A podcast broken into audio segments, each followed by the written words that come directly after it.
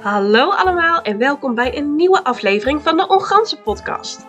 Deze week hebben we een hele speciale aflevering, namelijk de Feestdagen Special.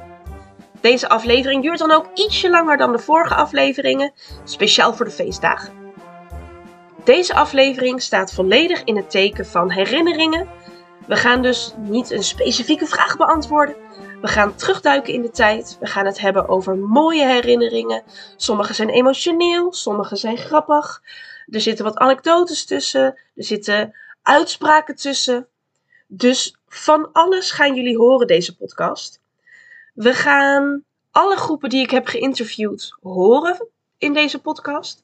Behalve de kindergarten. Met de kindergarten hebben we namelijk een net even ander interview gedaan dan met alle oudere Onganse leden.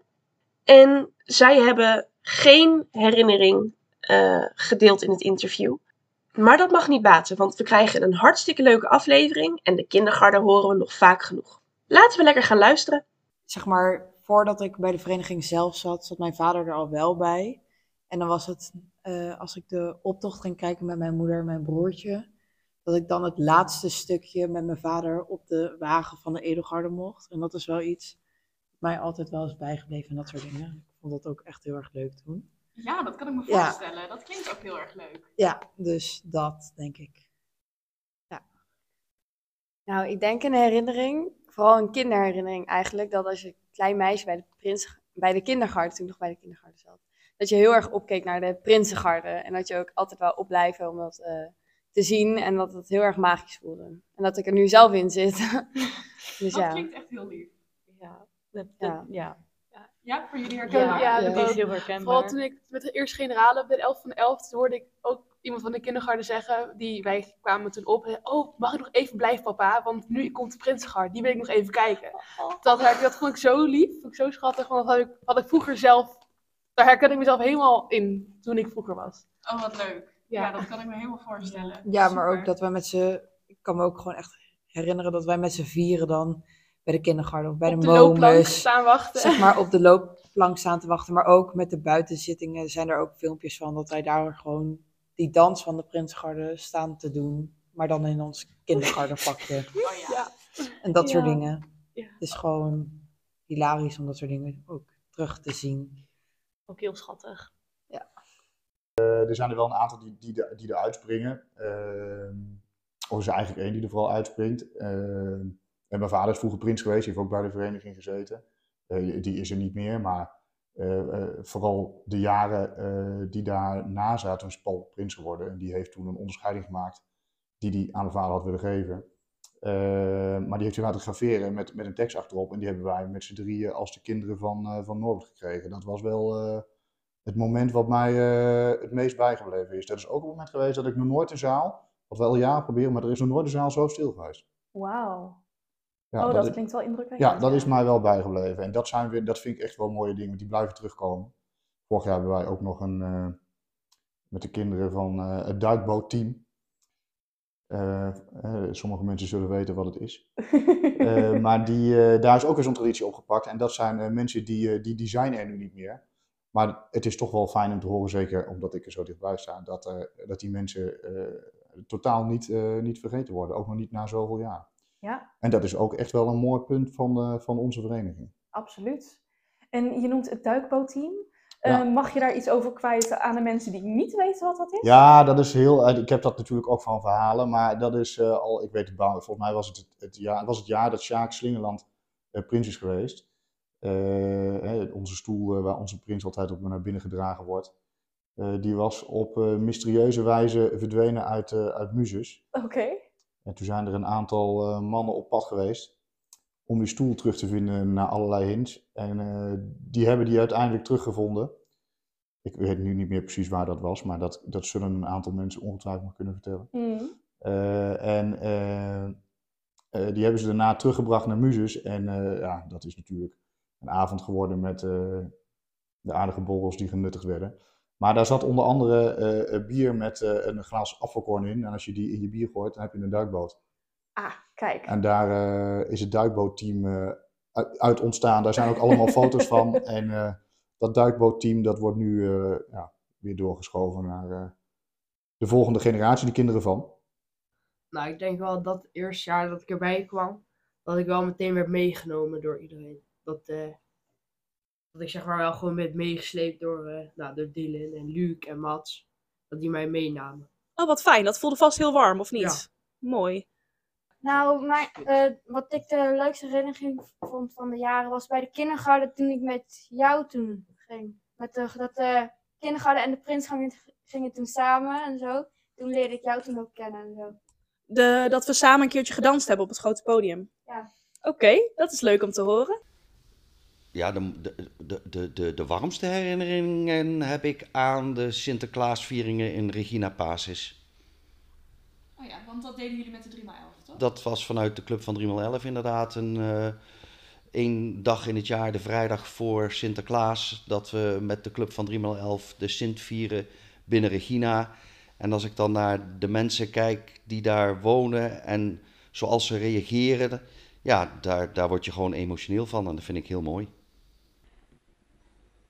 Nou, ik, ik, ik, kan me eigenlijk van eh, de hele beginperiode eh, dat ik bij de kindergarten zat, eigenlijk alleen maar herinneren. Want ja, toen mijn vader in 2003 overleed, eh, pas in 2005 ben ik eigenlijk weer in de carnaval gekomen. Dus uit de latere jaren kan ik me eigenlijk daar niet zo heel veel van herinneren. Het enige wat ik me nog wel altijd kan herinneren is dat ehm, toen ik bij de kindergarten zat, eh, moesten onze benen eh, bruin gemaakt worden met een eh, soort bruin spulletje. En dan moest ik op de keukentafel staan. En ik weet dat mijn vader dan dat altijd heel leuk vond en mij dan op de eettafel tilde op het plastic tafelkleed, zodat mijn moeder de, mijn benen kon bruin maken.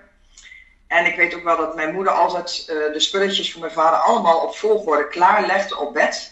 Dus dan ging hij zich aankleden en dan deed hij zijn smoking aan. En dan, ehm, nou, dan moest mijn, moeder het strikje omdoen. En dan alle onderscheidingen die lagen klaar op, eh, op bed. En, en moest hij zo op volgorde, de, een op de ander, moest dan om. En dan eh, waren we allemaal klaar om te gaan. En dan werd er een kleedje op de autobank gelegd. Zodat mijn benen natuurlijk niet afgaven op, de, op de bank van de auto. En dan op weg naar Muzes. En ja, dat is, eh, dat is hetgene wat ik uit die tijd nog heel goed kan eh, herinneren. En dat mijn vader super trots was natuurlijk op zijn kleine meisje. Eh, hoe ik het deed met de dans. Maar nou, ik denk dat dat voor alle ouders geldt. Daar was mijn vader niet anders in. Oh, wat geweldig om te horen. Ik ben stiekem ook wel een beetje benieuwd hoe de huidige kindergarten daarop zou reageren. Want die hebben natuurlijk nu de panties allemaal aan. Ja, ik ben wel benieuwd eh, wat zij ervan vinden als ze deze podcast horen. Leuk. Ja, ja, ja. mocht toen een keertje mee met Rick, weet je wel. En ik mocht een kiel hebben en een sjaaltje om. Nou, hartstikke gaaf. Het was een nieuw sjaaltje, helemaal top. Dus ik had die kiel, nou, die wou ik de volgende dag even wassen. Maar ik had in die zak had ik de nieuwe halsdoek zitten. Oh ja, ja. Eh, mijn kiel was opeens paars eh, en roze van kleur en echt niet leuk. Het was het uittenu van dat jaar van Vitesse, om maar zo te zeggen, die kleuren. Ehm, dus dan moest ik hem schamend zo weer ook weer inleveren. Dus dat hebben ze me niet kwalijk genomen, maar wel onthouden. Want eh, je krijgt altijd een mesje. Edelgard heeft traditie om een mesje te hebben waarmee ze kunnen tikken op een glas. Ehm, willen de mensen daar meer over weten, spreek me aan. Maar dan krijg je ook een tijdelijk mesje. En mijn tijdelijk mesje was dus een fles wasmiddel van Robijn. Gevuld, mocht niet leeg, moest heel blijven en intact. Dus ik moest de hele carnaval moest ik telkens met zo'n fles rondlopen. Oh, geweldig. Toepassend. Mijn vader zei vroeger altijd, die heeft veel voor de Ongansen gedaan vroeger. Maar als echte Bostenaar zei hij, ja, in een zwart pak kun je geen carnaval vieren. dat heb ik nog altijd onthouden, de wijze woorden van mijn vader. Eh, de meest speciale herinnering zal al 2011 zijn, prinskeuze. Ehm, want toen werd mijn oom eh, Bert Schouten werd prins, prins Bert II. En ehm, het kwam eigenlijk wel een soort van als volledige verrassing.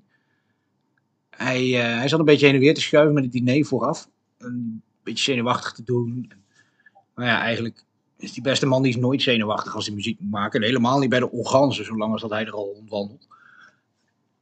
En ehm, nou, toen begon het bij ons al dat we zoiets hadden van, nou, hè, raar, maar vooruit.